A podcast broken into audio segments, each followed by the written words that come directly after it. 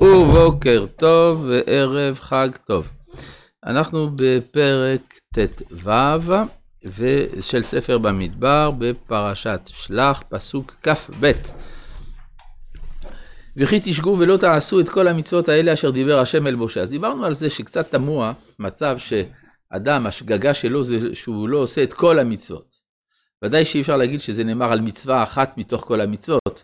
כי הרי על כל מצווה שבה יש שגגה, יש אה, אופן אחר של טיפול. אם זה דבר שיש בו כרת, אז זה חטאת.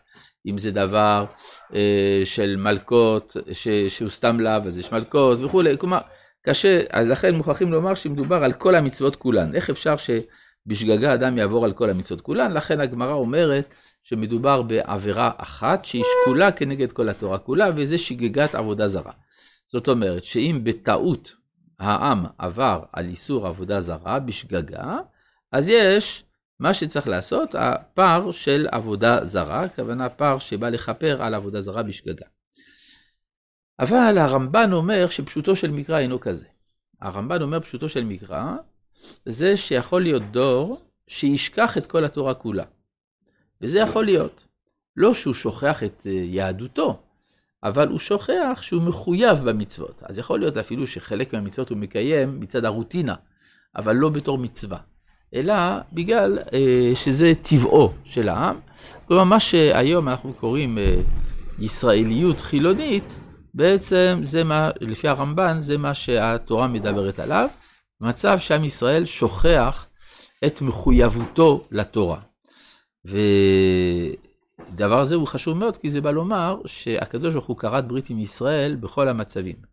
כולל מצבים שבהם יש התכחשות של ישראל לברית בינו לבין הקדוש ברוך הוא, אף על פי כן, ישראל הם עם השם, מה שלא יהיה.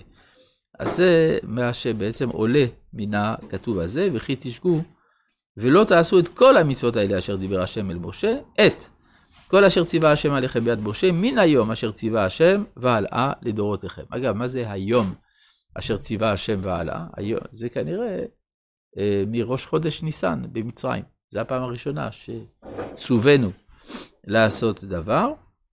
והיה, אם מעיני העדה נעשתה לשגגה, ועשו כל העדה, אז מה זה העדה? זה הסנהדרין, שהסנהדרין נתנו הוראה, אז אם נלך לפי דברי חז"ל, הכוונה הוראה של אה, איסור עבודה זרה, ולא שמו לב שמה שהם מצווים עליו הוא עבודה זרה, ועשו כל העדה פר בן בקר, אחד לעולה, נערך ניחוח לשם ומנחתו ונזקוק המשפט וזעיר עזים אחד לחטאת.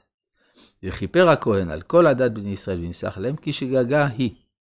והם הביאו את קורבנם אישה לשם וחטאתם לפני השם על שגגתם. כלומר, יכול להיות מצב שעם ישראל נכשל.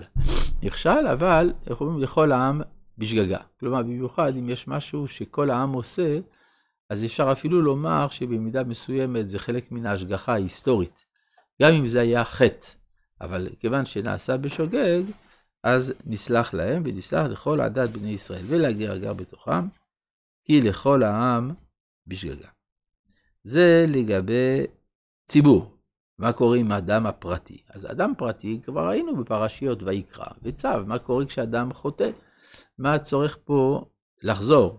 אז כאן, מדובר על חטא מאוד ספציפי, אבל לא ברור מהו, לפי פשט הכתוב. אם נפש אחת תחטא בשגגה, והקריבה עז בת שנתה לחטאת, וכיפר הכהן על הדפש החוגגת בחטאה בשגגה לפני השם, תכפר עליו ונסלח לו, האזרח בבני ישראל להגיע גם בתוכם, תורה אחת תהיה לכם לעושה בשגגה. זה מדובר בפשטות על אה, איסור חטאת שנעשה, כלומר איסור כרת שנעשה בשגגה, אז אה, לפי מה שכתוב בפרשת ויקרא, צריך להביא שעירת עזים. פה כתוב עז בת שנתה, זה אותו הדבר. אבל אז למה זה חוזר כאן? זה חוזר כאן בשביל הקונטרסט שיש בין זה לבין הפסוק הבא. כלומר, מצד עצמו היינו יודעים את זה, אבל מצד ההלכה הנוספת שמופיעה בפסוק הבא, לא, כאן אנחנו רואים את ההבדל בין הפרט השוגג לבין הפרט העושה ביד רמה. והנפש אשר תעשה ביד רמה מן האזרח ומן הגר, את השם הוא מגדף, ונכרתה הנפש ההיא מקרב עמה. אז מה זה נפש אשר תעשה ביד רמה? אז אה, לפי, זו מחלוקת תנאים, רבי ישמעאל ורבי עקיבא, רבי ישמעאל אומר שזה איסור מגדף. כלומר, מי שמגדף, כתוב מפורש כאן, את השם הוא מגדף. אז על זה נאמר, ונכרתה. יש לו חיוב כרת, כיוון שזה נעשה בכרת בזדון. כן, הכרת בזדון לא שייך בזה קורבן, כרת בשגגה שייך בזה קורבן. רבי עקיבא לא מסכים עם זה, רבי עקיבא אומר שזה גם על איסור עבודה זרה, נאמר, אז על עבודה זרה בשגגה הוא מביא קורבן, חטאת, ואם עבודה זרה במזיד, אז הוא חייב כרת. יש לזה השלכות משמעותיות למחלוקת הזאת בין רבי עקיבא לרבי ישמעאל. מדוע? בגלל הפסוק הבא, כי דבר השם בזה ואת מצוותו הפר, היכרת תיכרת הנפש ההיא. אז רבי עקיבא אומר, מה זה היכרת? תיכרת. היכרת, תיכרת, הכוונה היכרת בעולם הזה, תיכרת לעולם הבא. רבי ישמעאל, הוא לא אוהב, סליחה, אז דווקא רבי עקיבא הוא זה שאומר שהפסוק הקודם מדבר על מגדב, רבי ישמעאל אומר שמדבר על עובד עבודה זרה. עכשיו, רבי ישמעאל אומר על רבי עקיבא, אני לא אוהב את השיטה שלך, איך שאתה דורש פסוקים. מה, בגלל שהכתוב חוזר על עצמו, יכרת, תיכרת, אז יכרת זה בעולם הזה, תיכרת לעולם הבא, והלא כבר נאמר, את השם הוא מגדף ונכרתה. אז מה, אז וכי שלושה עולמים יש? כן, הרי אם כל פעם שכתוב קו, רש, תו, אתה דורש את זה על עולם, אז צריך להגיד שגם ונכרתה זה עוד עולם, ולא שמענו שאדם נכרת מהעולם הזה ומן העולם הבא ומעוד עולם שלישי. איזה עולם שלישי יש? כן, ככה מקשה רבי ישמעאל, אלא הוא אומר, ונכרתה בעולם הזה, יכרת תיכרת לעולם הבא, ודיברה תורה כלשון בני אדם. זאת אומרת, זה שכתוב פעמיים, זה ככה מדברים בעברית, ואל תעשה לי מזה דרשות. ככה טוען רבי ישמעאל. עכשיו, אם אנחנו, עכשיו, לפי רבי עקיבא זה לא קשה. הפסוק ונכרתה, שהוא פסוק ל', הוא מדבר על עבירה אחרת, על איסור גידוף. ועיקרת תיכרת מדבר על עבודה זרה. לפי רבי ישמעאל, שזה מדבר על אותו, על אותה עבירה, אכן לא ייתכן שלושה עולמים.